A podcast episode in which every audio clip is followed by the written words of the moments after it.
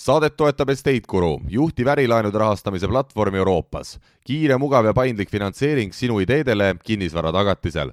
rahasta kinnisvaraarendust, üüri kinnisvara ostu või vabasta kapitali müügiperioodiks meie enam kui saja kümne tuhande investori toel. vaata lisa estateguru.co ja kinnisvarajutud podcasti seitsmekümne seitsmes osa on eetris ja raskel nii-öelda sõja ajal proovime meie mitte väga, väga tõsised seekord olla, et natukene tuleb ikkagi nalja ka teha ja rõõmus olla, on nii, Algis?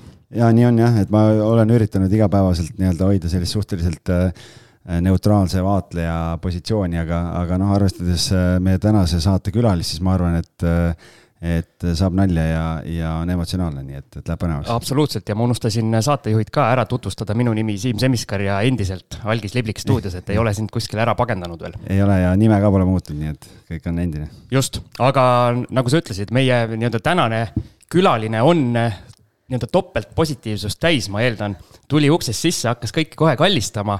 selline eestlaslik kohmetus natuke tuli peale, aga meil on siis külas podcaster Katri Teller.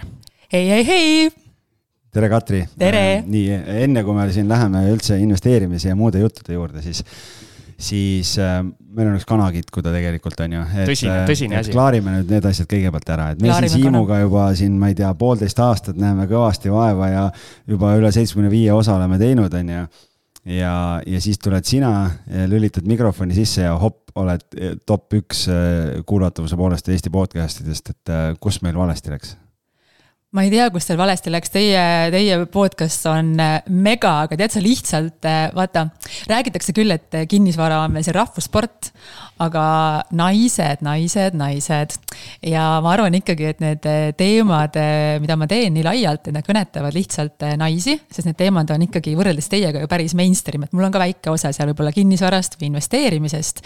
aga samal ajal räägime ka ju hingeelust ja isegi botox'ist ja laste saamisest, et lihtsalt et see on ju puhtalt lihtsalt see äh, siis selle niši küsimus, eks ju, et see on lihtsalt nii palju suurem. ja, ja minu nišš oli tõesti siis täielikult äh, tühi ehk siis sellist äh, soolo podcast'i Eestis varem ei olnud.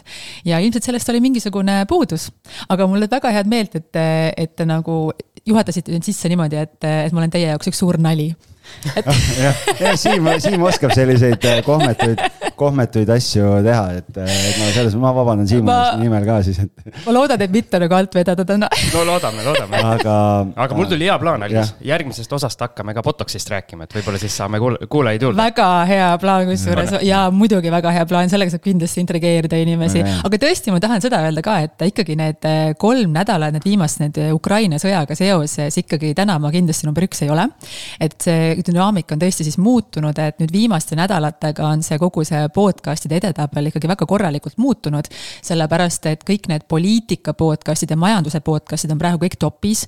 inimesed on üsna ärevad, neid väga huvitavad need teemad, inimesed, kes tegelikult isegi ei ole kuulanud varasemalt podcast'e, on hakanud kuulama siis neid podcast'e. mis tegelikult eh, laias plaanis, ma arvan, et on hea kogu sellele eh, nii-öelda podcast'i turule, sellepärast et inimesed eh, tutvuvad rohkem siis sellega, et on olemas podcast'id. sest täna see kasv tuleb ju peaasjalikult ikkagi noortelt. ja, ja praegu seoses selle Ukraina sõjaga on hakanud podcast'e kuulama ka need, kes ei ole võib-olla nii noored enam, et ma arvan, et eks ta, eks ta set ib siin mõne aja pärast ja, ja siis ole näha jälle, kus, kus me siin mõlemad maandume. aga ma loodan, et, et ikkagi teil läheb ka järjest paremini, sest et, sest tõesti ma enda podcast'is ka siis kinnisvarajutte soovitasin ja ma sain pärast endale väga palju tagasisidet teie podcast'i kohta. et siis see viimane või see eelviimane osa või et kus oli Raivo Vare. et mulle pärast siis kirjutati, et aitäh, et sa soovitasid seda kinnisvarajuttude podcast'i, et see kuidagi tõesti maandas teisi. isegi need, keda siuksed teemad tavaliselt väga ei huvita, nad leidsid sellest endale midagi, et see oli tõesti nagu top-notch osa, et aitäh me algisega nii-öelda sulasime praegu siin tooli peal ära. liiguvad, räägi veel, räägi veel. ei, tegelikult väga tore, ma kuulasin selle sinu episoodi ära ka, sest kuna Katri andis nii-öelda väikse diiseri, et ütles, et ta mainis meid ära seal, siis ma kuulasin ja, ja aitäh sulle, sest me Siimuga enne just arutasime, et see on meie kui, kui nüüd mitte veel, aga siis kohe-kohe kõige, kõige kuulatum episood äh, üldse, nii et, äh, et see Raivo Vare on lihtsalt nii mõnus kuulata, et ei tahakski kuulama jääda ja Raivo istus täpselt sama tooli peal, kus sina praegu. Vau, vau, vau, ma nüüd loodan, et natuke sellest Raivo aurast eh, saab ka mulle nagu siia osaks, et natuke targemat juttu saaksin rääkida siis teile. ja igaks juhuks, kuna siin paar ajamäärust ka jutus läbi kõlas, siis me salvestame seda osa seitsmeteistkümnendal märtsil, et eh, need paar nädalat, mida, mida siin mainiti, need on juba siis eh, selleks ajaks, kui välja tuleb, osa on jah, juba kuu aja peale veninud mm. -hmm ja aga võib-olla korra lihtsalt seda sinu podcast'i veel puudutades, et äh, et kust see mõte üldse tekkis sul, et peaks hakkama ühte podcast'i tegema? ma olen tegelikult suurest perekonnast, mul on seitse nooremat õde ja ma. Wow, wow, wow. ja kuidagi üldse nagu naistega elus palju kokku puutunud ja, ja on tekkinud selline nagu võib-olla selline suure õe tunne tihti ka, et, et eriti just kui ma vaatan nagu nooremaid naisi ja kui ma vaatan ka ennast tagasi, milline ma ise noorena olin. ja ma olin siis selline maalt üsna tagasihoidlikutest oludest ja ka väga ebakindel. ja isiksuse mõttes ma olin alati olnud selline, et küll ma kõigega hakkama saan, aga mul oli ikkagi paras annus ebakindlust ja, ja ma kuidagi näen nii palju suures, suurepäraseid inimesi, mitte ainult naisi muidugi, kes võiksid elus nii palju saavutada, kui neil oleks see, see väikene boost või see nagu tunne, et tõesti nad suudavad saavad ükskõik mida elus teha. ja, ja kui ma oma lugu räägin, siis ma proo-, proovin seda selliselt teha, et mitte lihtsalt, et ma siin nüüd äh, eputan või olen kuidagi, tahan siin laiata, vaid just läbi selle äh, vaatevinkli, et ma ikkagi tahan näidata, et tegelikult kõik on võimalik, sest ega tegelikult ma pole ka ju midagi röögatut elus saavutanud, aga aga kus ma olen jõudnud ja võrreldes sellega, kust ma alustasin, on, on üsna tore koht, kus olla. ja, ja ma just tahan rääkida neid lugusid sellepärast, et inspireerida ja motiveerida ja mulle tundus, et see koht on jah, kuidagi Eestis lihtsalt tühi. et meil on palju meelelahutajaid, meil on palju palju selliseid, äh, meil on väga ägedaid äh, naisinvestoreid, äh, koolitajaid, aga just selline inimene võib-olla, kes räägiks nagu selle oma näoga üsna isiklikult nagu, nagu laiemalt teemadest ja, ja avameelselt ja ja et ei oleks nagu liiga kitsas see suund, et igas valdkonnas, kuidas paremaks saada, et see oli lihtsalt, oli tühi. ja siis ma lihtsalt hakkasin pihta mul on üks sõber äh, Algis Assamaalalt, et ta on ka olnud ebakindel läbi kogu elu, et ilmselt peaks tema podcast'i sulle jama on selles, et mul on, ma olen ainuke laps, vaata, on ju, et noh, selles mõttes, et mul nagu ei ole seda muret, kusjuures huvitav, vaata, mul oli E, emal oli kuus venda ja mu vanaemal oli kuus venda ja nad olid ainukesed tüdrukud, aga näed, sul on see nagu, sul on veel suurem pere, on ju. aga, ja noh, ma olin ainukene laps, et mul on tegelikult Siim kõik väga hästi olnud, et Assamaale sigade kõrval kasvanud, nagu mille üle sa kurdad, et.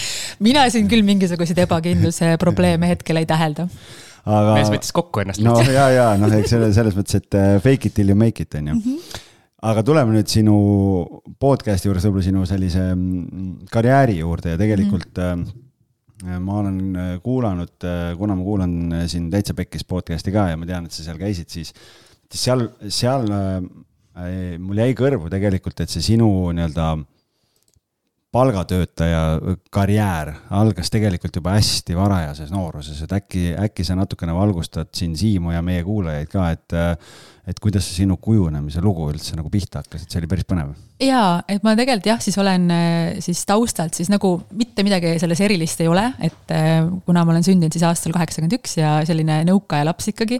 et üheksakümnendate alguses oli meil ju kõigil väga raske, et siin ei ole nagu mitte midagi erilist. aga võib-olla mul oli kohati natukene raskem kui mõnel teisel, me kolisime väga palju äh, ja kuni siis lõpetasime siis Paldiskis, kus Paldiskisse anti siis riigi poolt, kui ma ei eksi, siis kas sai kuidagi erastada või anti kuidagi tasuta neid kortereid siis, et me elasime elasime lõpuks siis, saime päris sellise esimese kodu Paldiskisse, kui ma olin vist kolmeteistaastane. Ja, ja ma läksin ise siis äh, tööle, jah, ma hakkasin käima tööl siis äh, põhikooli lõpust äh, käisin siis kohvikus nõusi pesemas ja, ja viieteistaastaselt äh, kolisin üksi elama. kuni sinnamaani, kus mul tekkisid väga tugevad paanikahood ja siis ma vahepeal pidin kolima tagasi ema juurde, aga, aga siis jällegi, et ma läksin siis kohe peale keskkooli lõppu siis uuesti tööle. ja, ja puhtalt ikkagi see nälg oli nii suur lihtsalt nüüd, mitte nüüd otseses mõttes, et aga, aga just see, et, et ma tahtsin elada paremini. ja mul lihtsalt ei olnud nagu teist varianti, sellepärast et, et noh, naisena, eks ju, sul on siin kaks suunda, kuhu minna, eks et eh, kas sa hakkad kõvasti tööd tegema või sa üritad siin eh, kuidagi niimoodi lillelisemalt läbi jääda. aga see teine variant on selline jah, Siim, mis sa tahtsid teine variant on selline, noh, sellel on oma selline parim enne tähtaeg, eks ju. et ma arvan, et see esimene variant on jätkusuutlikum ja, ja ma hakkasin toimetama jah, siis üsna varakult eh, ja, ja läksin siis tööle Ekspress Hotline'i, kus ma tegin siis müügitööd, kui ma olin kaheksateistaastane, et müüsin ettevõtetele siis selliseid pakette, et kunagi oli selline infoliin, et kui helistasid, siis anti nagu esimesena mingisuguseid, et öelge taksonumber ja siis sulle öeldi nagu taksonumbreid ja noh, siis ei olnud ju kõiki neid äppe ja värke nagu täna. siis helistasid tuulikasse, ütlesid, kui tahate, et me teie numbri ütleme, siis maksate. just, just, just ah,, okay. just, et selliseid pakette müüsin ja peale seda ma olin siis neli aastat reklaamiagentuuris tööl.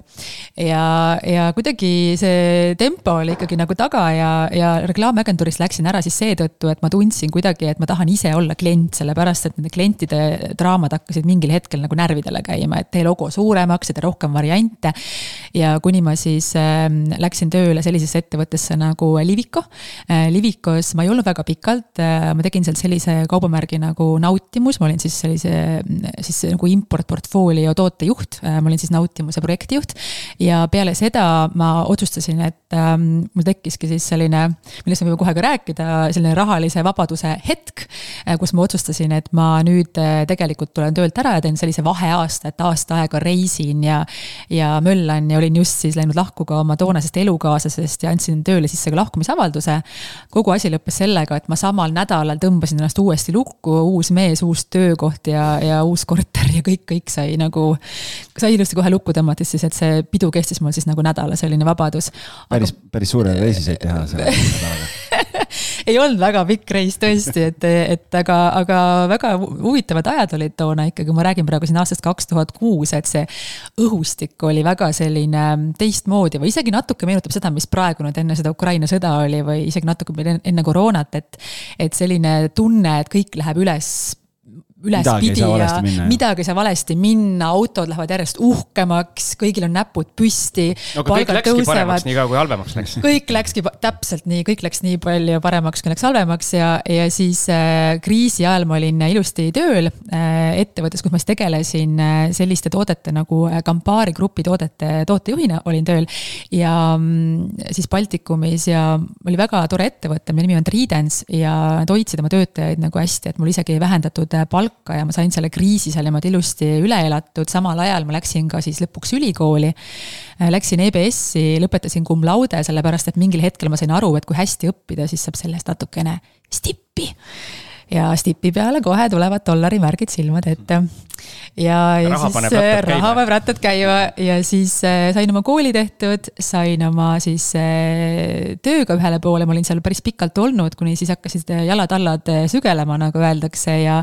ja peale seda siis pakkusin ennast välja mm, siis korporatsioonile, sellele samale Campari grupile, et äkki tahate mind tööle võtta mida nad alguses tegelikult väga ei tahtnud.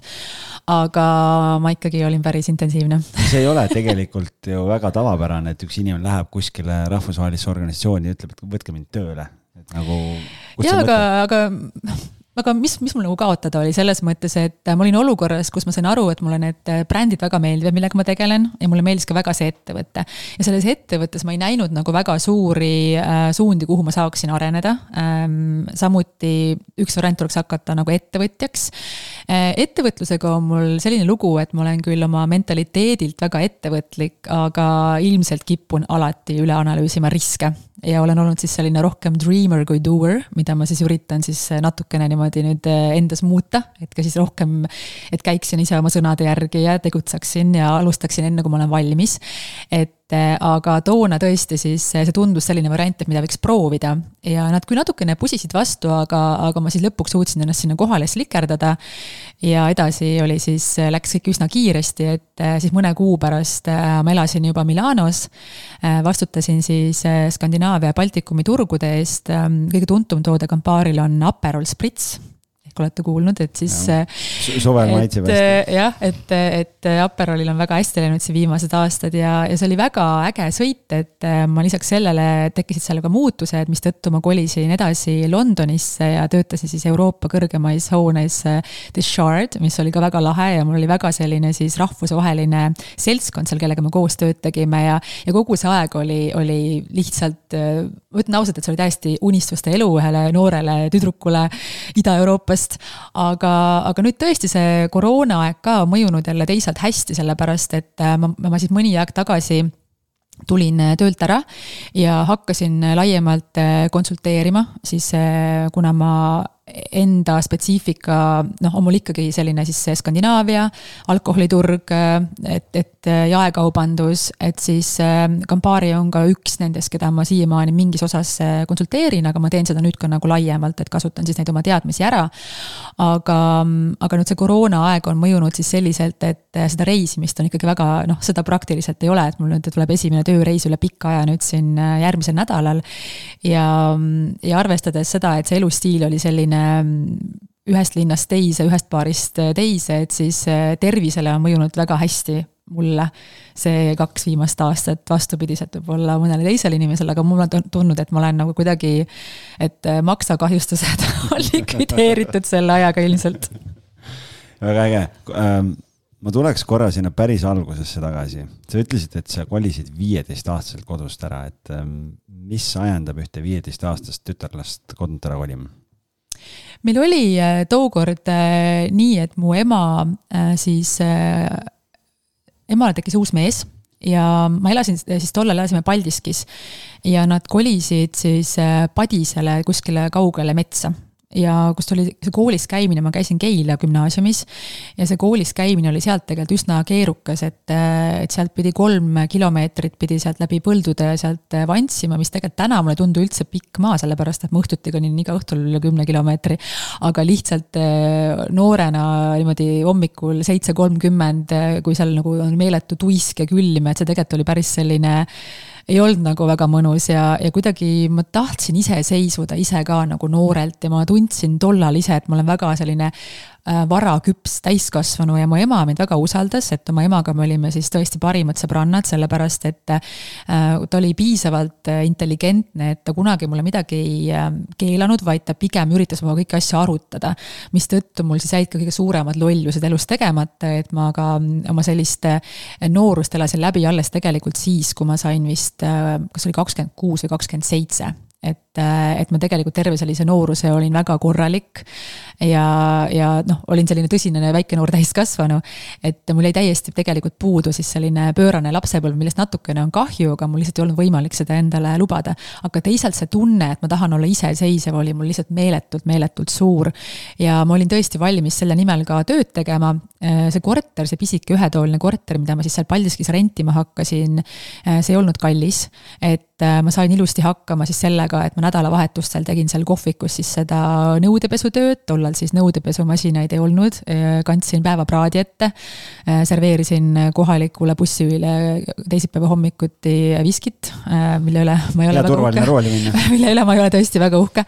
aga, aga see oli selline aeg ja aga see oli raske selles mõttes jah, et ta oli ikkagi, et mul, mul ei olnud sellist noh, nädalavahetusel, kui võib-olla paljud teised siis äh, said kokku ja tegid midagi lahedat, et ma olin ikkagi üsna niimoodi kinni.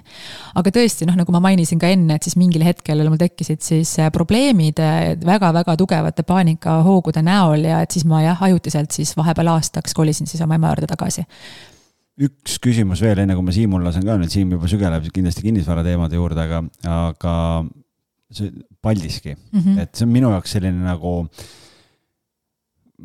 suur küsimärk. algis pole käinud kunagi Paldiskis? olen, olen, ma elan sealpool linna ju ja, ja ma olen ka ju nagu käinud seal ja sõitnud ja ma olen ka nagu, mulle aeg-ajalt meeldib teha selliseid äh, avastusretki, et äh, sõidad, ma ei tea, Maardu läbi ja vaatad, kuidas inimesed elavad, vaatad seda keskkonda ja, ja nagu kõik see pool või, või Kopli liinid oli vanasti üks koht, kus ma käisin, nüüd ta on kõvasti arenenud, on ju.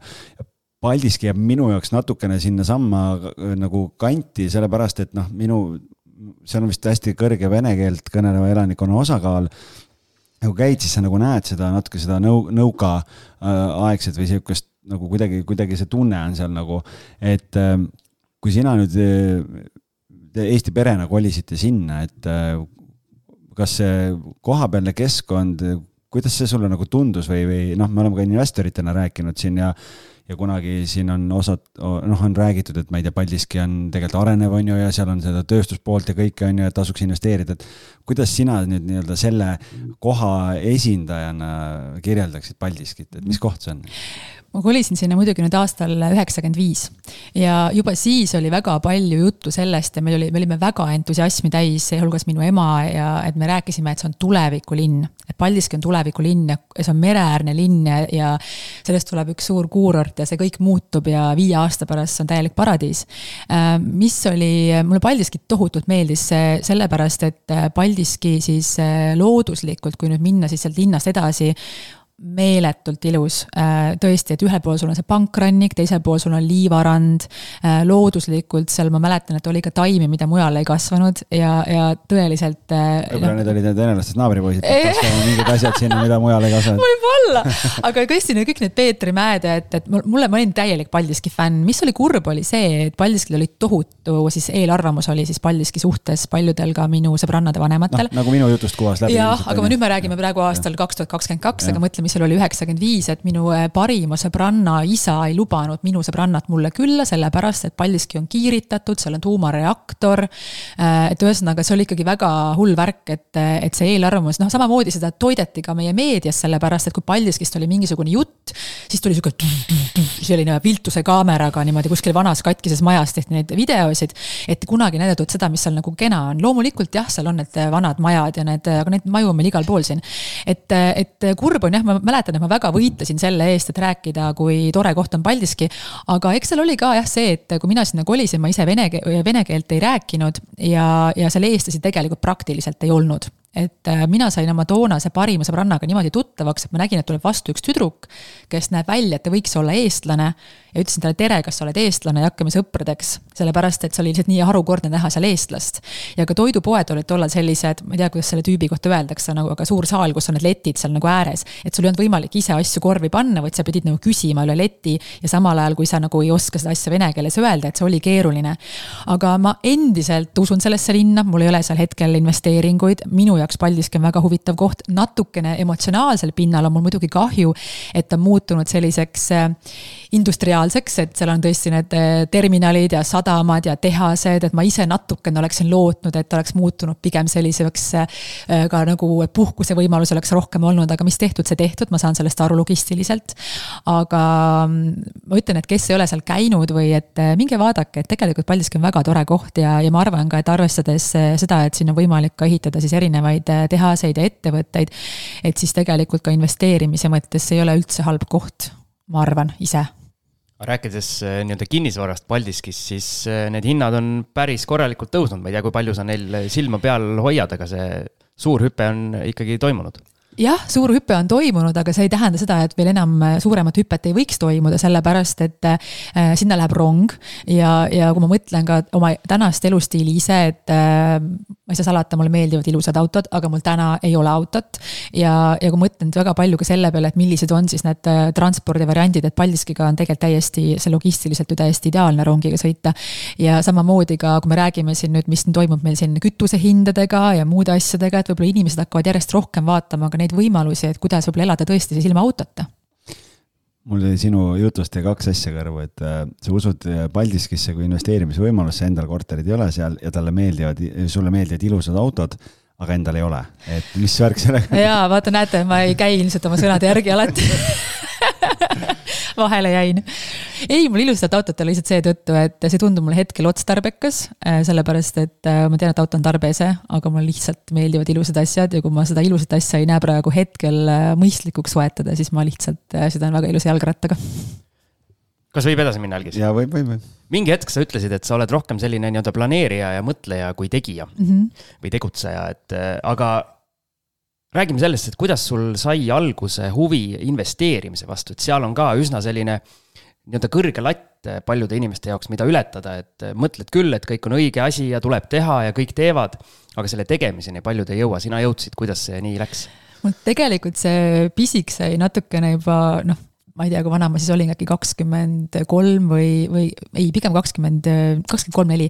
Äh, oli siis, kui kõik hakkasidki asjad nagu hästi minema, kaks tuhat neli, viis, kui ikkagi see buumihõng oli juba mõnusalt siin õhus. ja ma tahtsin ka ikka selline ju tark olla, ma olin, tahtsin minu see, ma tahtsin olla siis selline naine, kui ma olin noor, kes on selline püss, ilus, aga tark ja edukas ja kõik vaatavad, et vau, et sa oled nii tubli, aga sa oled veel nii ilus ka ja siis ma mõtlesingi, et see ongi see nagu see, mida ma tahan väga olla. tahtsin väga karjääri teha ja tahtsin, et mul oleks uhke ametinimetus. et kunagi võiks seal olla näiteks turundusdirektor kuskil suures korporatsioonis. et ja siis vaadake mind, et, et see oli nagu see, mida ma tahtsin teha, aga kuna ma tahtsin olla tohutult tark, siis ma hakkasin tuulama ka LHV Foorumis ja seal oli väga palju siis äh, selliseid huvitavaid selliseid teemasid, et mida lugeda ja millest ma tunnistan ausalt, ma pooltest midagi aru ei saanud aga ma tahtsin ka nagu seal mängu osa olla. ja siis ma seal lugesin, et investeerimine nii ja investeerimine naa ja kinnisvaraga on nii ja aktsiatega on naa. ja kui ma siis äh, oma elu esimese sellise suurema summa sain, siis ma ka tegelikult äh, investeerisin, siis äh, minu esimene ost olid siis Apple'i aktsiad. ja ma praegu lihtsalt ei suuda seda summat öelda, mis need aktsiad täna väärt oleksid, aga, aga see oli vist mingi, kas see on mingi seitsmekümne korrane vahe või, või et ma ostsin neid siis neljakümne tuhande euro ees, vabandust, krooni eest tollal ja, ja sellest lähtuvalt, et ähm, mitte üldse tehes mingit analüüsi, vaid sellest, et ma ostan siis neid asju, mida ma ise armastan ja millesse ma usun mis ma ei tea, kas on nagu kõige targem strateegia, aga emotsionaalselt tekitas mulle hea tunde. ma töötasin tollal reklaamiagentuuris ja ma kasutasin ise juba siis äh, Apple'i arvutit alates aastast kaks tuhat kaks, kolm. et äh, ma olen väga kaua seda Apple'it kasutanud. siis oli see ikka nišivärk. see oli väga nišivärk, et sellised valget värvi plastikust Apple'id, et noh, iPhone ei olnud veel välja tulnud ja ja noh, ta oli ettevõte, millest paljud äkki võib-olla isegi väga ei teadnud, et olid vist need i iPodid vist tulid, et noh, millest ka podcast'i nimi tuleb, eks ju, et läbi ju nende iPodide hakkasime kuulama meie ju neid äh, podcast'e, et miks ta on ka podcast, eks ju. et äh, aga jah. seda ma ei teadnudki kusjuures. no vot, näed. et mina kusjuures sain ka selles alles hiljuti teada, ma lugesin ühte podcast idest äh, tehtud artiklit, et, et see podcast tulebki nagu sellest, et see oli esimene võimalus, kui sa saad hakata kaasas kandma endaga sinna helifaile sellisel kujul, et siis kuulama hakata neid. et iPod, et podcast. aga sa ütlesid, et, et noh, see vahe oleks seitsmekümnekordne, et ma saan aru, see oleks tähendab seda, et sul neid Apple'i aktsiaid. ei, vot läks vaata niimoodi ikkagi, et vaata räägitakse, et vahel peab kätel istuma ja alustava investorina tegin loomulikult siis, mida ikkagi tehakse, on see, et natuke läks midagi punaseks. ja siis suure paanikaga müüsin kõik maha ja mõtlesin, et ikkagi mu strateegia on täiesti vale, sellepärast et ma ei peaks ostma asju, mida ma armastan.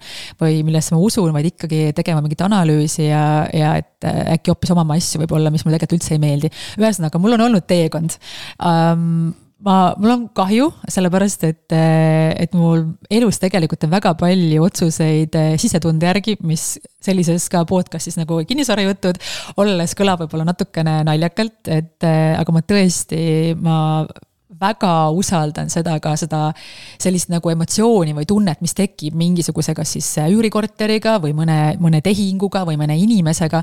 ja ütlen ausalt, et üldjuhul see tegelikult alt ei vea. üldjuhul meil on ju varemgi siin saates istunud naisterahvaid, kes samamoodi näiteks üürnikku valivad ka suuresti kõhutunde pealt ja, ja on põhimõtteliselt meile vist algisega selgeks saanud, et naistel see kõhutunne nagu eh, suures osas töötab, meil mitte. meestel ei ole seda, meestel on ise kõhud, tunnet ei ole. Eh, ei tea jah, mulle tundub ka vahel, et, et naistel on see intuitsioon või mingisugune tundlikkus justkui nagu suurem, aga see loomulikult noh, stereotüübid tegelikult ei kehti, eks ju, et see sõltub inimesest, aga. aga eks seda peab ka tunnetama, et, et seda kasutada, sellepärast et mõnikord mulle jälle tundub, et ma olen mõistuse inimene, et ma ikkagi teen selle oma Exceli.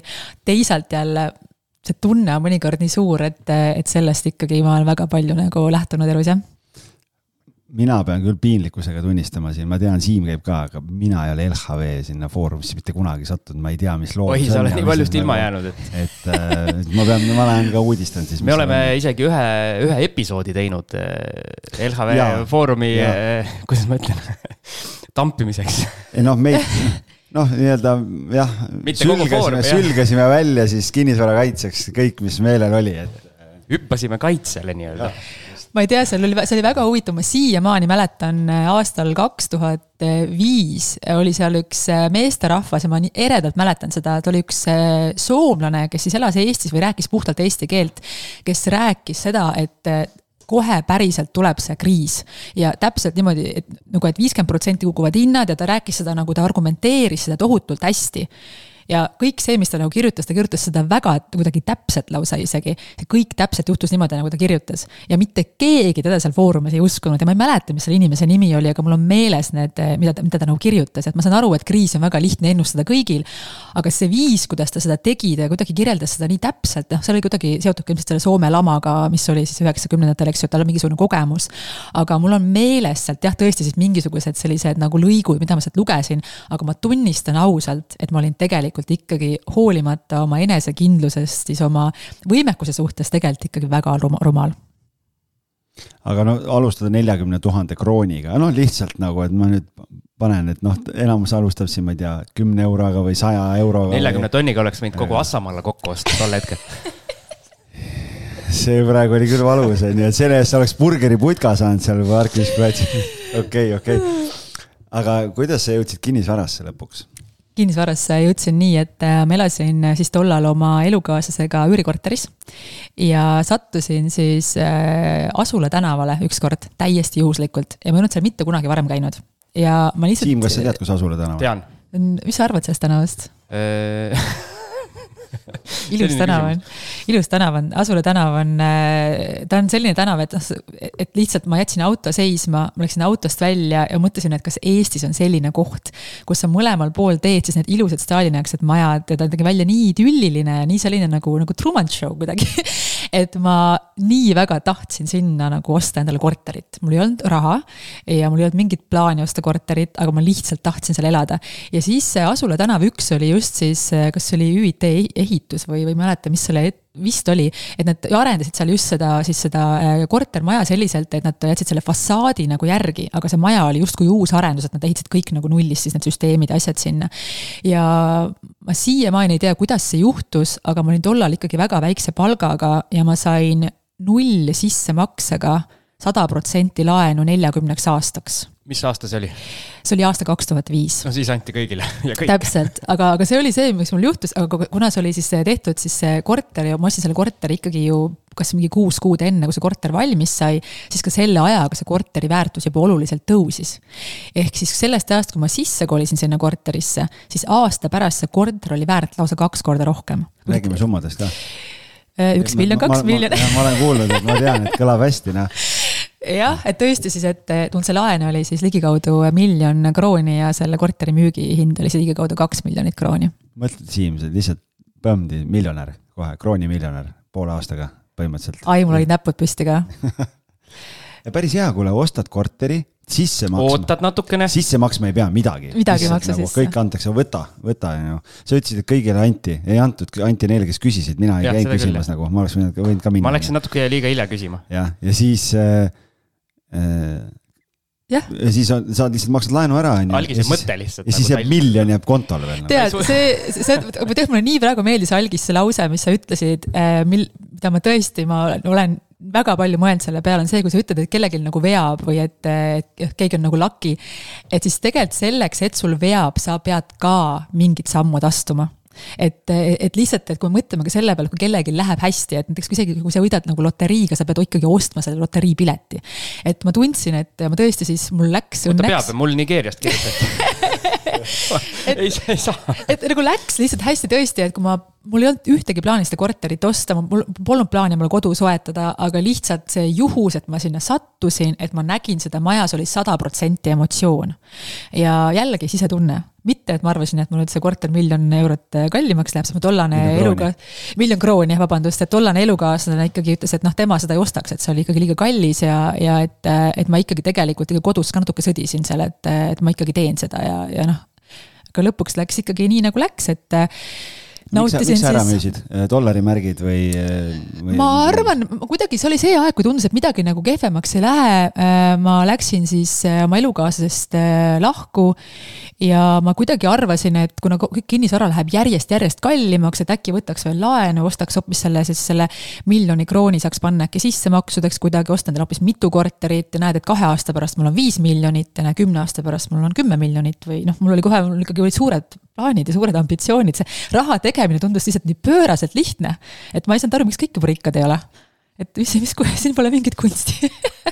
See on miljoni dollari küsimus, et võtame, võtame järgmise et lihtsalt aga lõpuks me kõik teame, kuidas see lugu, eks ju, lõppes meil siin enamus, enamusel siin aastal kaks tuhat kaheksa ja üheksa, et, et siis olid tühjad pihud ja, ja pangakonto oli miinuses, netoväärtus miinuses.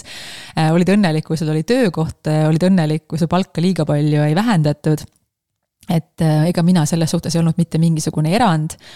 aga ütleme nii, et see oli lõbus, kuni see kestis et aga alustasin jah, tõesti siis täiesti nullist äh, uuesti aastal kaks tuhat kümme, et noh, siis selles mõttes, et, et mul ei olnud nagu mitte midagi peale siis ühe korteri, mille ma olin ostnud endale laenuga. ja kus oli siis ähm, ka tehtud mul sissemaks, eks ju, siis enam ei antud nii, nii lõdvalt. ja alustasin siis jah, tõesti siis uuesti täiesti ja tundsin, et seekord ma ei taha võtta väga suuri riske. et ma proovin sel, seekord olla targem et, ähm, et ilmselt mul on sellest eelmisest kriisist ka mingisugused võib-olla haavad, et kui me siin edaspidi natukene räägime ka siin äh, mu portfellist, et. et ma tegelikult investeerin pisut äh, teistmoodi, sellepärast et ma lihtsalt tunnen, et ma, ma ei taha seda uuesti läbi enam teha. Been there, done that, et, äh, et ma teist korda ei taha teha seda. oota, aga räägime siis sellest kriisist, mis, millega sa sinna kriisile vastu läksid ja mis seal juhtus? Äh, juhtus jah nii, et sellest äh, rahast ei jäänud midagi järgi. ma just tahtsin öelda, et äh, miljoniga lähed kriisile vastu, no mis saab? saab valesti minna? suur osa sellest läks loomulikult siis sellesse uude korterisse, mille ma ostsin siis laenuga, aga seal oli ka siis vaja teha palju remonti, oli siis korter südalinnas kohe siin Tornimäel, selline vanem korter, ähm, mille ma tegin ilusti korda aga olin tollal ka sellises natukene kehvas suhtes, kus siis ka need nõuanded ei olnud äh, kohati parimad ja ka ma ise olin natukene siis äh, mitte kõige targemad otsused teinud, et äh, sai siis ostetud väga uhke auto loomulikult. ja tehtud igasuguseid muid lollusi ostetud üldse kalleid asju ja, ja mindud kallitele reisidele ja, ja selline tunne oli, et see lihtsalt ei saagi minna halvemaks, midagi ei saagi minna halvemaks. ja põhimõtteliselt lihtsalt lõin selle raha laiaks. aga me ei ole nii rikkad, et osta odavaid asju ju. Vot nii aga.... kõik jäid vait selle ei, aga. väga rumal lugu.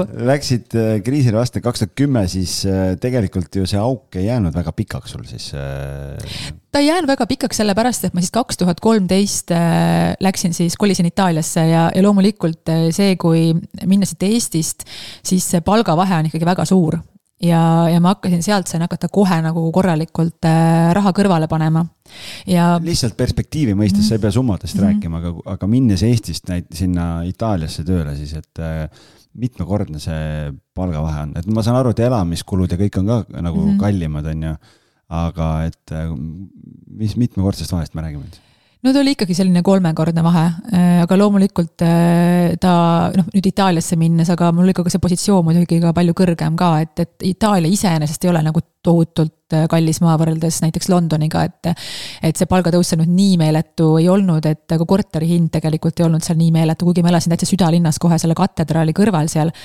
aga, aga kui ma kolisin Londonisse, siis tuli sisse väga suur vahe, sellepärast et kui sa korporatsioonis töötades, siis ettevõtted liigutavad sind ühest ettevõttest teise.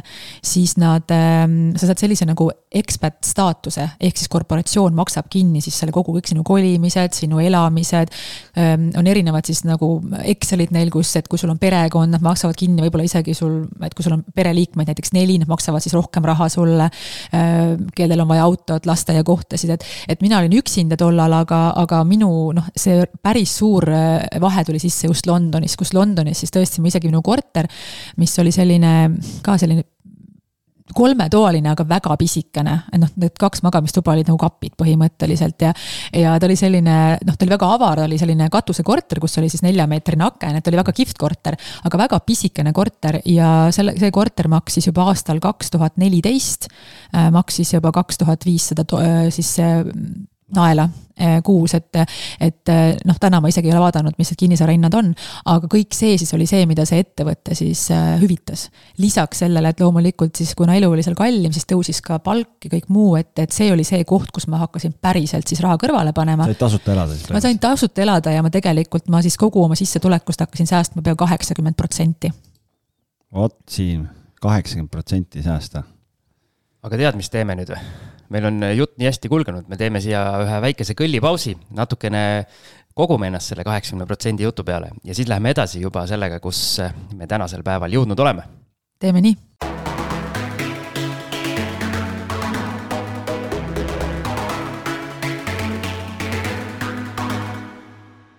ja oleme väikeselt pausilt tagasi, veepudelid on tühjaks joodud ja minu järgmine küsimus on nüüd sulle selline, et alustaks äkki sellest, et äh, milline su kinnisvaraportfell tänapäeval välja näeb? Ja siis saame sealt hakata neid üksikuid, üksikuid maasikaid üles korjama, et äh, mismoodi, mismoodi mingi objekt äh, sinuni jõudnud on. Okei okay,, no täna on mul siis äh, kümme korterit, äh, millest äh, üks on siis seesama korter, millest ma eelnevalt rääkisin, mis ma ostsin siis enne eelmist kriisi see on mul siiani alles ja, ja ähm, seal on siis peal ka veel ikkagi mitukümmend aastat seda laenu, ma ei tea, äkki tegelikult on tiksunud vähemaks, äkki on kakskümmend aastat järgi jäänud. et see vist oli kolmekümne viie aastane laen, mida ma selle korteri ostsin siis aastal kaks tuhat kuus ja järgmise korteri ma ostsin tegelikult alles aastal kaks tuhat viisteist et kaks tuhat viisteist hakkasin siis tegelikult oma tänast äh, portfelli ehitama. ja täna neid on siis kümme, neli nendest korteritest on siis äh, Majaka Pallasti äh, piirkonnas ja kuus korterit on siis südalinnas ma just müüsin Majaka tänav kolmkümmend kolm ühe korteri, näed, oleksid sa varem tulnud siia, siis ma oleks sulle juba siin ära müünud selle, et aga nüüd jäid ilma. algis, näed oleks sul kindlasti palju parema pakkumise teinud. no vot, et äh, ei, meil läks väga hästi tehing, nii et saime, saime seal müüja jaoks väga, väga hea hinna, nii et. väga hea. ühesõnaga, kõik on Tallinnas. kõik on Tallinnas, jah. oled mõelnud kunagi kuskile mujale ka, ma võib-olla isegi ei mõtle Eestis, aga kuna sa nii mm -hmm. rahvusvaheline oled, et kuskile mujale riiki võib-olla või midagi sellist? ma olen küll tegelikult mõelnud, äh, mul on praegu lihtsalt olnud väga mugav, et see on kõik Eestis, aga ma tõesti olen mõelnud ähm, kui sa küsid nüüd minu käest, et kuhu ja miks, et siis need põhjused jällegi on pigem emotsionaalsed kui ratsionaalsed. Äh, ma arvan, et ma mingil hetkel natukene piiluks äh, isegi Helsingi poole ja piiluksin ka USA poole ähm, Helsingi, miks, sellepärast et ma olen seal kümme aastat siis poole kohaga elanud, et minu eksabikaasa on siis soomlane ja ma olen seal veetnud siis kümme aastat kõik oma suved ja tähtpäevad ja, ja see on mulle väga selline kallis koht on mulle Soome. Äh, võib-olla seetõttu, äh, aga, aga samamoodi ka USA, et, et mul on olnud tegelikult väga pikalt unistus, et ma tahan siin, seal kunagi mingi aeg elada. et ma nüüd ei taha öelda, et ma sinna nüüd päriseks kolin eluks ajaks, aga, aga mulle seal nagu meeldib. mulle tundub, et sa oma temperamendi ja selle nii-öelda poolest võiks väga hästi sobida sinna USA kultuuri, et, et sa oled keskmisest eestlasest oluliselt äh, oluliselt emotsionaalsem ja kuidagi nagu rohkem outgoing, et eestlane on ikka siukse altkulmu ja tõsise näoga, et, et usaldad seda nagu rohkem. jah, mõnes mõttes on õigus, sellepärast et äh, ma käisin seal varem siis enne, enne seda mõnusat koroonaaega siin ikka üks-kaks korda aastas ja, ja mul iga kord oli selline tunne, nagu ma oleksin jõudnud koju, siis äh, ma ei ole muidugi käinud igal pool, aga ma olen mõlemad rannikud ja need suuremad linnad läbi käinud. aga, aga mis eestlasi puudutab, siis mulle tundub, et see vaikselt-vaikselt tegelikult ikkagi muutub ka, et ikkagi see ei ole päris nii enam, et. ma olen liiga äh, palju Siimuga koos võib-olla ma just tahtsin öelda, et minusugused eest ära kukuvad kunagi siis. ei tea, minu meelest on teil mõlemal siin tulukesed silmas. Aga ma tuleks, Kollar, sinna Majaka tänava juurde tagasi, et sa ütlesid neli korterit on see Majaka ballasti piirkonnas, et äh, kas ähm, see on kuidagi mingi, mingi strateegiline otsus lihtsalt, et kuna see piirkond kiiresti areneb või kuidagi sa ise elasid seal, et tunned piirkonda või mis see taust on seal? mul ei ole selle piirkonnaga oluliselt äh, mingisugust äh, sidet või mingit suurt sidet, aga äh, ma hakkasin täiesti suvaliselt neid kortereid siis brausima ise, kui ma elasin Londonis. ja mulle sattus seal ette siis üks korter, ma nüüd aadressi ei mäleta, aga ta oli seal jah, nagu Pallasti tänaval, üsna seal Majaka tänava ristmiku pool. selline pisikene ühetoaline korter, nurgakorter, mis oli tollal oli siis müügis neljakümne, äkki oli kolmkümmend kaheksa tuhat eurot see oli vist aastal kaks tuhat viisteist. ja, ja ma hakkasin siis, oli minu jaoks nii tõsine projekt ikkagi see esimese korteri ost, et ma hakkasin siis kohe uurima ka tuttavatelt, kes tegelevad kinnisvaraga ja, ja et ma, oli suur plaan see osta.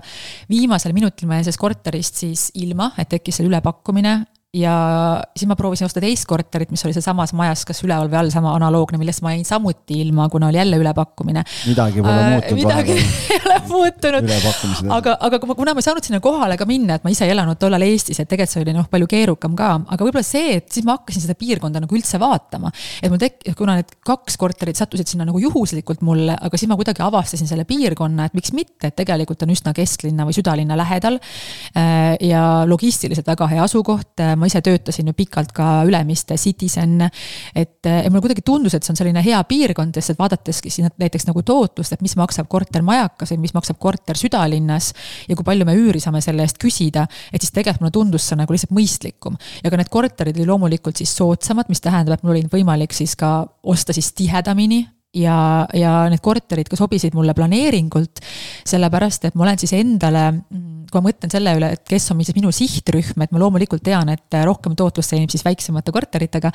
aga, aga ma olen võtnud endale siis sellised väiksed kahetoalised korterid, kus on võimalik elada siis nii üksi kui ka kahekesi.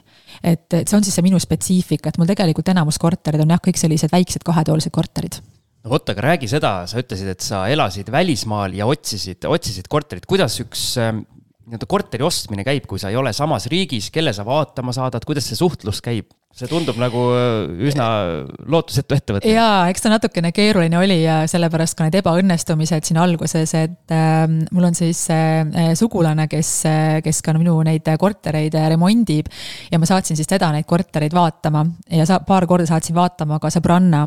aga see ei ole ikkagi päris see et, et selle esimese korteri ostuni ma jõudsin ikkagi nii, et ma äh, tulin siia kohale ja, ja siis läks ka õnneks.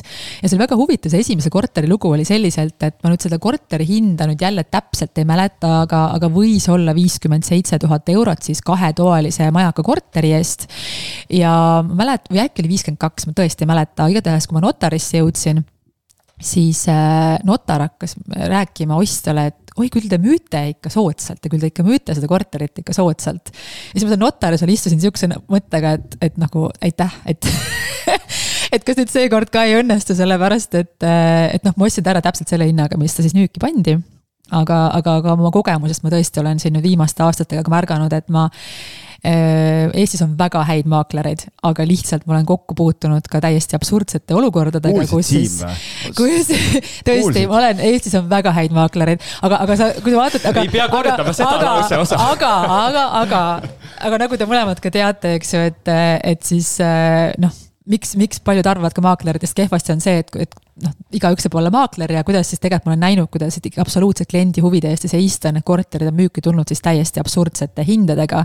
kus siis tegelikult lausa kahjustatakse sellega nagu ju tegelikult müüjat, et. kui ma, kui omanik ütleb, et noh, noh, ma ei tea, ma siin mõtlesin, et võiks viiskümmend kaks tuhat nagu mm -hmm. ja noh, tegelikult eh, siis kui on nagu maakler teab, et tegelikult võiks viiskümmend viis või kuuskümmend tuhat saada, et siis ei peaks olema see, et oh, saan kiire diili tehtud, et saan oma vahendustasu kätte, vaid sa ikkagi lähed nagu ütled, et kuule ei, et nagu kuuskümmend on vähemalt noh. jaa, ja mul on selliseid juhtumeid tõesti olnud, et, et ma ei tea, kas ma räägin sellest kohe või, või räägin sellest meie boonusosas. no vot no,, väga hea, räägime boonusosas. aga mul on mõned küsimus. Äh, tõesti siis kinnisvaraga seotud siis mõned, äh, mõned juhtumised nagu olnud tõesti väga naljakad, aga ma räägin, räägime siis boonusosas. muide, ma torkan vahele siin. mina torkan enne, siis torkad no, sina. nii äh, boonusosasid saab kuulata kust?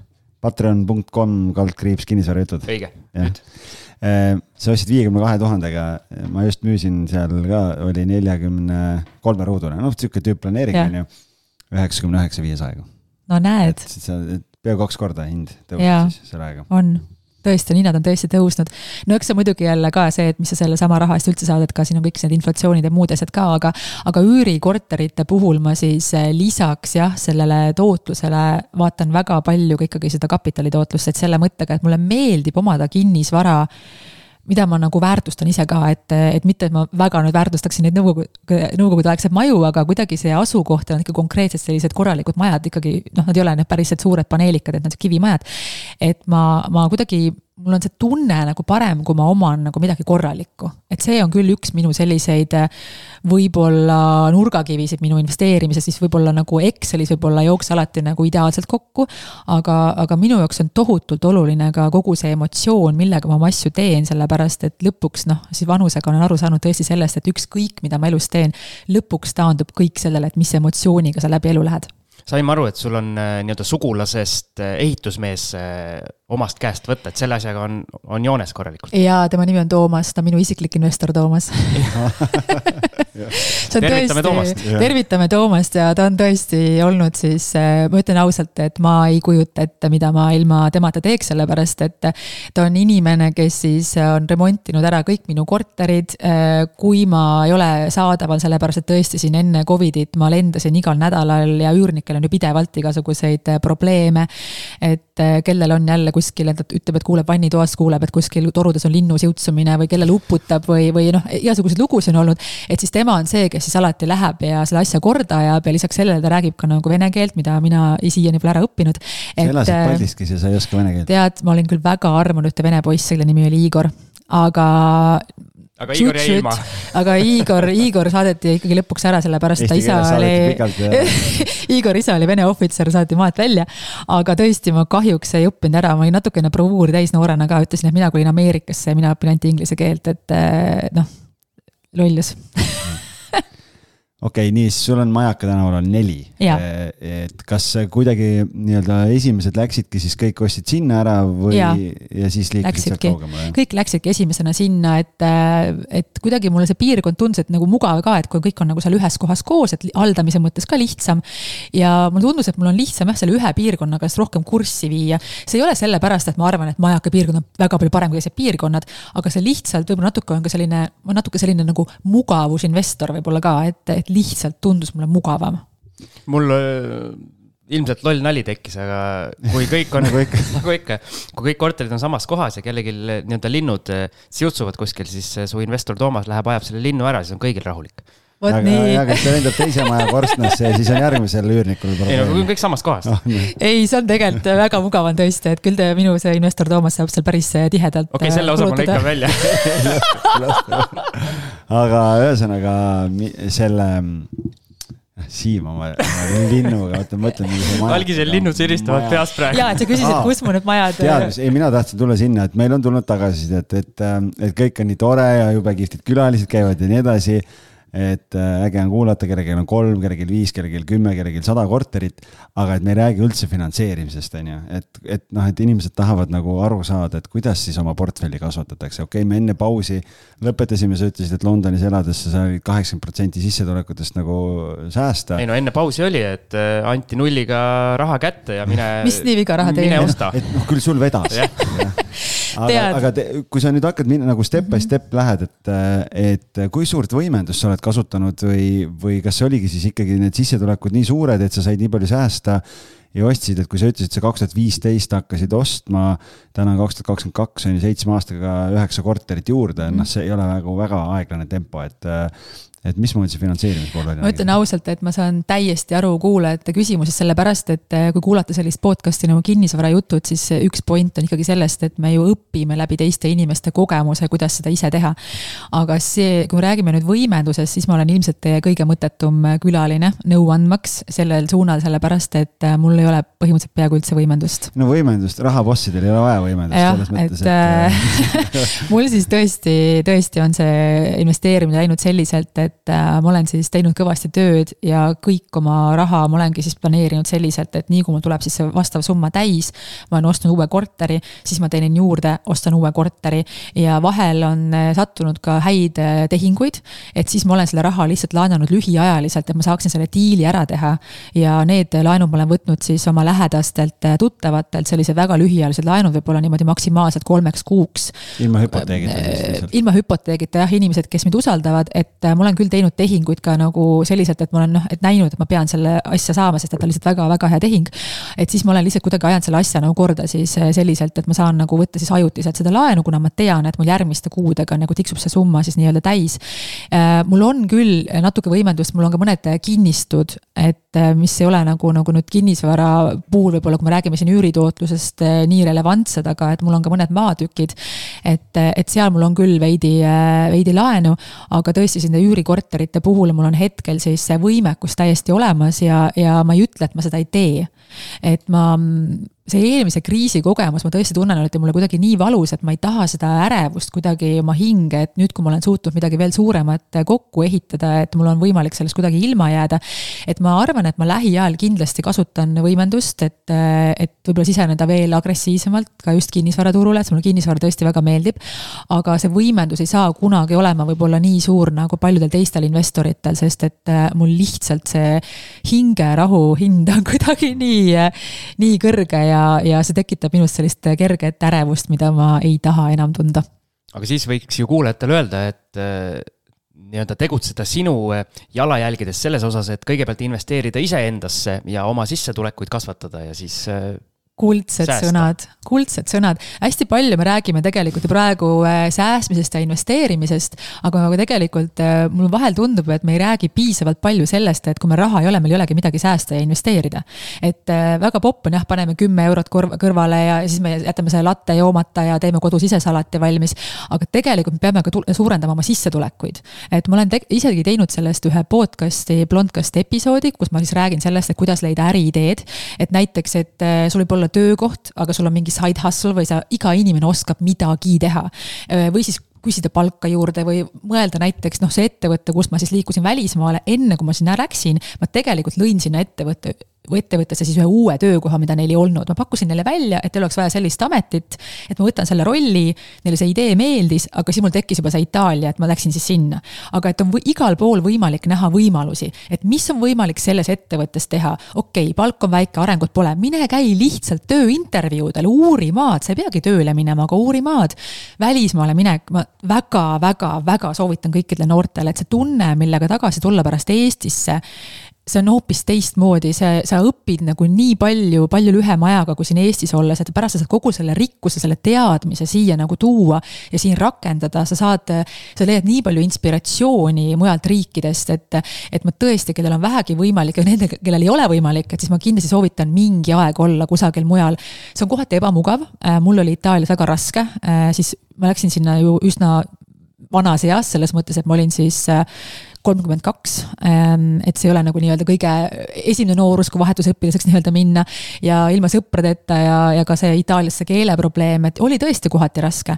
aga seda enam sa pärast hindad seda kõike, et, et, et jah, räägime ka natukene või mõtleme rohkem ka sellele, et kui, et kui me räägime säästmine, investeerimine, ka sellele, et seda raha, mida säästa, investeerida, on vaja ka juurde teha nii et siit väga konkreetne nii-öelda finantseerimisnõuanne tegelikult meile kuulajatele, võib-olla teistsugune kui need, need, kuidas ma ütlen, need, kes algisele seda vastukaja andsid, et nagu nemad ootasid, aga midagi no teistsugust. tegelikult ähm, me oleme Siimuga arutanud ka seda finantseerimise teemat, et tegelikult noh, inimesed ootavad ja kuulavad mingit seda ähm, Viagrat või mingit niisugust mingi võluvitsa. algiselt oli nüüd, nüüd, nüüd äh, tuleb, äh, Katri tuleb ja ütleb, on ju, näed, et vot, et niimoodi peab tegema, sest iga inimese taust on ju nii erinev, et selles mm -hmm. mõttes, et mitte ük, meil ei ole võimalik äh, siis üksteist nagu sada protsenti kopeerida, et mm -hmm. on võimalik võtta mingid teadmised ja, ja, ja neid kasutada, on ju noh, kes siis Viagraga või kes ilma.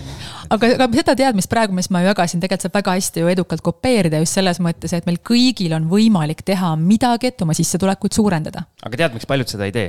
räägi mulle. sest see on keeruline ja see nõuab tööd seda peavad mugavustsoonist ju välja tulema. seda tõesti, aga äh, see ei nõua mitte ainult tööd, sest et ma olen tõesti tohutult laisk inimene, ausõna. aga lihtsalt sellist nagu pealehakkamist, sellepärast et kui sa ei küsi, siis sa ei saa kindlasti ja, ja kui ma mõtlen ka näiteks äh, karjääri puhul, ma ise enam ei näe endal nagu tuleviku sellise suure karjeristina nii-öelda. enam ei taha turundusdirektoriks saada, et, et mul on hoopis teised eesmärgid täna elus, aga kui ma mõtlen ka selle peale, et kuidas ma inimesi palkaksin, siis mina vaataksin säravaid silmi, motivatsiooni, nälga ja tahet. ja kui sul see on olemas, siis kõike saab ju õppida õppida, kõike saab ju teha, aga kui sa oled motiveeritud, siis äh, asjad hakkavad hästi minema, kui sa selle, paned selle, selle oma selle nii-öelda õnnemajaka või selle suuna nagu paika, et äh, kõik me kukume vahepeal pikali, see on okei. okay.. ma olen sada protsenti nõus, sellepärast et noh, et äh, maaklereid tööle võttes või noh, reeg-, reeglina inimestel ei ole ju äh, varasemat kogemust, noh siis samamoodi või, või kui ma teles töötasin, siis kui ma võtsin müügiinimesi, siis minu jaoks ei olnud tohutu see CV oluline, sellepärast et tihtipeale need, kellel on mingi tohutu CV on noh, fat cat'id on ju, tulevad tohutus mugavustsoonis, ütlevad nii, kõigepealt ma tahan kolm tonni palka saada, siis räägi mulle, mis ma pean tegema, siis ma ütlesin next. on ju, et mind huvitab rohkem see, et äh, ma võtan selle lihvimata teemanti, koolitan ta välja ja, ja teen temast selle parima võimaliku ja oluline, et tal on seda ambitsiooni ja nälga, tahta areneda, õppida ja, ja minna nagu, et see on nagu, et täna ka, kui keegi kuulab äh, seda saadet, siis tegelikult nagu see, kui keegi tahab teha karjääris mingit pööret, nagu mina olen näinud kuskil siin äh, telesse läksin, nii et ma ei teadnud midagi, kinnisvarasse läksin, ma ei teadnud mitte midagi.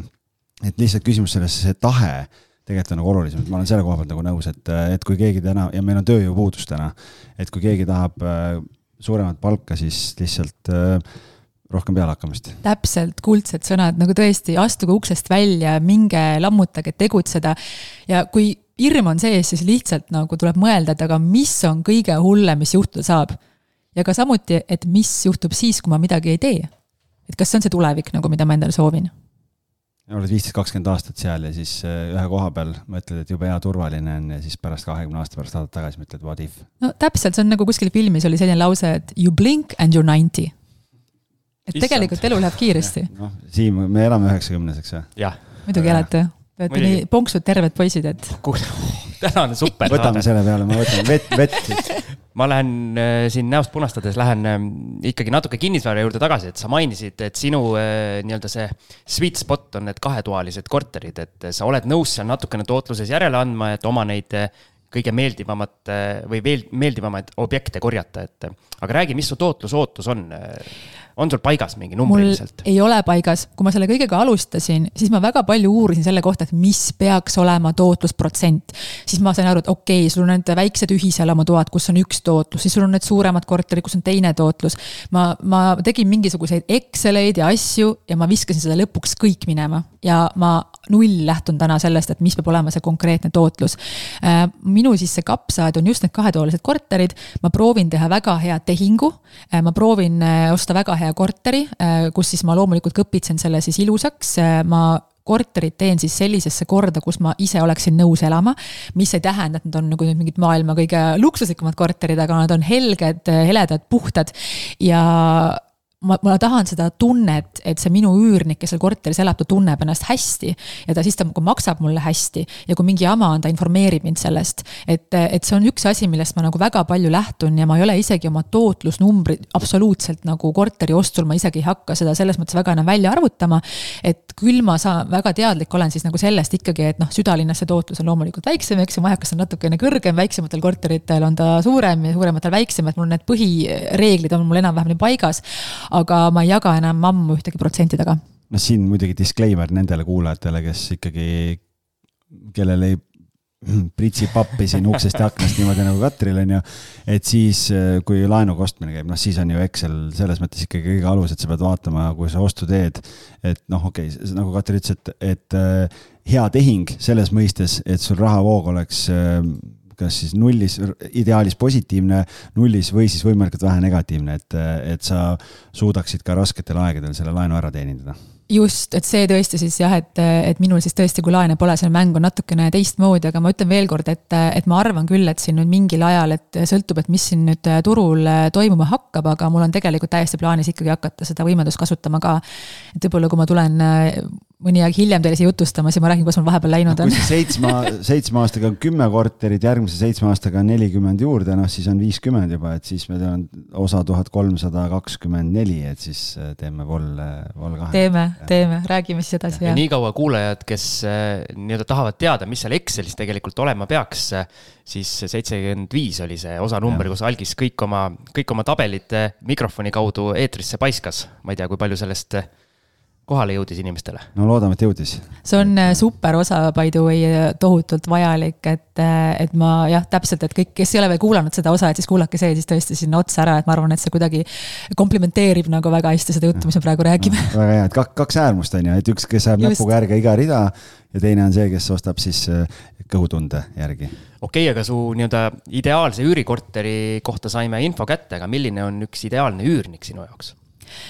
Jälle üürniku puhul samamoodi, et siis väga palju jälgin seda intuitsiooni, aga äh, loomulikult äh, ma siis äh, kontrollin ka ta tausta. ma olen tähele pannud, et minu üürnikeks on väga tihti siis välismaalt Eestisse kolivad spetsialistid. ja kuna ma ise olen välismaal elanud ja ma saan aru nende sellest positsioonist, tihti nad ei ole isegi kunagi varem Eestis käinud, nad on see uue riigi natukene ärevus, nad ei tunne asukohta. Neil on minuga ka kuidagi väga mugav, sellepärast et nad kuidagi kus see suhtlus on ka väga selline vahetu. Äh, ma saan nendega nagu hästi räägitud, ma mõistan neid äh, ja, ja ma soovin neid ka nagu inimlikul tasandil kuidagi nagu aidata, et ma olen üsna siis selline abivalmis, et nad kuidagi tunnetavad seda. et seetõttu tõesti siis ma ütlen, et kuskil seitsekümmend protsenti minu üürnikest tegelikult ei ole üldse, üldse siit Tallinnast, vaid on keegi, kes on siis tulnud siia tööle. ja minu üürnike kogemused nagu siis nendega on olnud siis väga-väga äh, head, et mul on äh, need probleemid, mis mul on olnud, on olnud siis ainult, äh, mul on olnud kolm sellist huvitavat case'i. aga kõik need case'id on olnud siis eestlastega ja mis on huvitav, arvestades seda, et nagu statistiliselt mul on nagu rohkem välismaalasi ja, ja väga ikkagi kurvaks tegevalt ma kuulen seda, kui mõni välismaalane nagu ütleb, ütleb, et, et et neid kardetakse kuidagi või, või ähm, noh, mul hiljuti oli siin üks äh, Sri Lanka paar, kes ka nagu rääkis, et, et noh, neil oli keeruline korterit leida. ja, ja siis see tüüp oli siis väga kõrgel kohal, tegi IT-d, äh, noh, lõpuks nad kolisid korterist sellepärast ära, et äh, ta ostis endale mingi väga uhke tutika mersu ja ta ei julgenud seda seal maja all parkida. et, et noh, ja te, sama, aga samal teised ei juurde talle korterit, sest et nad on noh, kuidagi tekib mingisugune eelarvamus. ja sellest on mul ikkagi nagu kahju, et ma arvan, et me sellest võiksime üle saada et äh, minu kogemus on küll väga positiivne, nad on väga kohusetundlikud. Äh, mõnikord natukene peab neil äh, hoidma rohkem kätt. Mul tõesti oli siis jah, ka case, kus okei okay,, boonusosa jaoks. Boonusosa jaoks. See tuleb üks vägev boonusosa. väga hea, väga hea aga ma, ma tulen korra tagasi selle juurde, et sa oled nüüd ju värskelt, ütlesid, et sa oled nüüd nagu paiksem, et sa olid ju välismaal ära, et mismoodi sul see üürnike otsimine käis siis, kasutasid maaklerit või, või noh, et sa ütled, et et ma saan aru, et sa ise välismaal elanuna ja, ja sa suudad nagu samastuda nendega, aga, aga distantsilt jälle ju ülikeeruline teha jaa, ma tegelikult äh, olen nüüd juba olnud siis viimased aastad äh, siin ja ma olen tegelikult ka seoses oma tööga, kuna üks riik, mille eest ma vastutasin, oli Eesti, et ma käisin siis ka vähemalt kord kuus Eestis. et siis kamba peale saime hakkama siis selle minu äh, investor Toomas paari sõbranna ja, ja minuga kamba peale me, me, me tegime selle asja ära.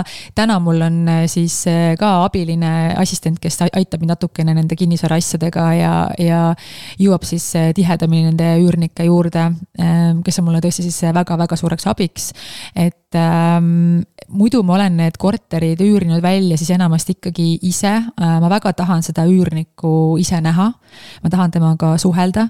Äh, kuna mul on kõik need äh, lepingud ja mul on ka kogemus olemas, et, et siis ma saan sellega ise hakkama. ma väga soovitan head maaklerit neile, kes ei ole kogenud. aga ma ise tunnen, et oma selle kogemuse pinnalt mul lihtsalt ei ole seda mõtet teha. ma võtan ka alati kahe kuu deposiidi, mis on siis mugavam maksta siis üürnikul, kui tal ei ole seda vahendustasu et siis tavaliselt mu see, mm, siis see pakett nii-öelda on siis see, et, et ühe kuu üür ette pluss kahe kuu deposiit, et siis kolm kuud, kolme kuu üür läheb põhimõtteliselt kohe nagu ette. Katri rääkis vahele praegu, rendini ei kasuta. et äh, võtab kahe kuu deposiidi, vaata, et äh, me peame Katrile veel tööd tegema siin, et pärast episood, mis rendini episood oli meil, kuuskümmend? ei olnud nii ammu ei, seitsekümmend kaks. seitsekümmend kolm. kolm, jah. selle pean ka mina ära kuulama veel. ja, ja., et äh, soovitan igal juhul selles mõttes, et äh, kui sul on välismaalastest üürnikud, siis äh, nagu saime sealt teada, et välismaalastele tegelikult ei ole kitsendusi, kui on kõik korras, et parandab su turupositsiooni veel ja kui sa täna ütled, et sul on välismaalased, sul on korralikud korterid, saad tõenäoliselt nagu turu keskmisest kõrgemat hinda mm -hmm. tänu sellele, siis kui nüüd kahe kuu deposiidi asemel rendini kasutada siis tegelikult äh, sa saad veel kõrgemat hinda küsida, sellepärast et stardikulu sellele välismaalasele on väiksem, nii et. Äh, super, ma kuulan selle kindlasti ära, sellepärast et ma olen rendini kohta ka kuulnud väga palju positiivset, et äh, eks ma siis peale seda saadet natukene süvenen sellesse rohkem, aitäh. no näed, no näed, siin saame vastast. hea maakler Algis andis, andis informatsiooni aitäh. siis, aga. minu kord mina okay. küsin äh, sellise asja, et kas sa oled äh, ainult üüriinvestor või oled proovinud flip imisega ka kätt või, või ikkagi tahad kõik hea ja parema endale hoida? Olen proovinud äh, flip imisega kätt ka, täielik katastroof.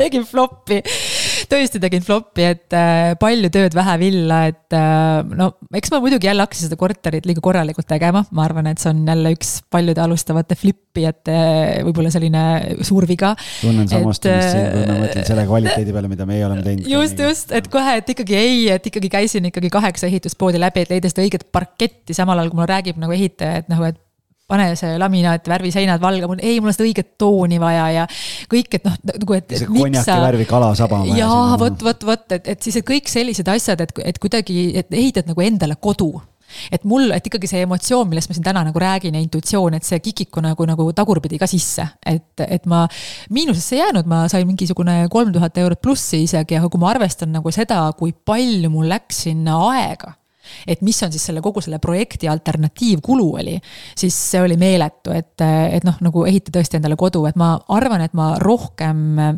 täna, täna ma ei tunne, et ma tahan sellega tegeleda.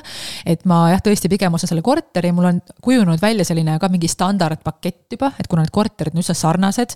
ma teen nad sellised held, helged, heledad ja sellised hästi sellised pretensioonitud ja neutraalsed, et igal maitse saab siis oma järgi need padjavärvid või asjad ära sättida, aga et need põhielemendid oleks sellised suhteliselt nagu puhtad ja neutraalsed, et ei oleks nagu liiga eh, kuskile ühte äärmusesse maitse, maitse suunas nagu kinni. et musta lage sa ei tee? musta lage ma tõesti ei tee, kuigi see päris päris äge olla. aga, aga tõesti, et oleks siis võimalikult paljudele vastuvõetav ja, ja need flipid ja flopid ma jätan nüüd vähemalt esialgu nüüd teistele.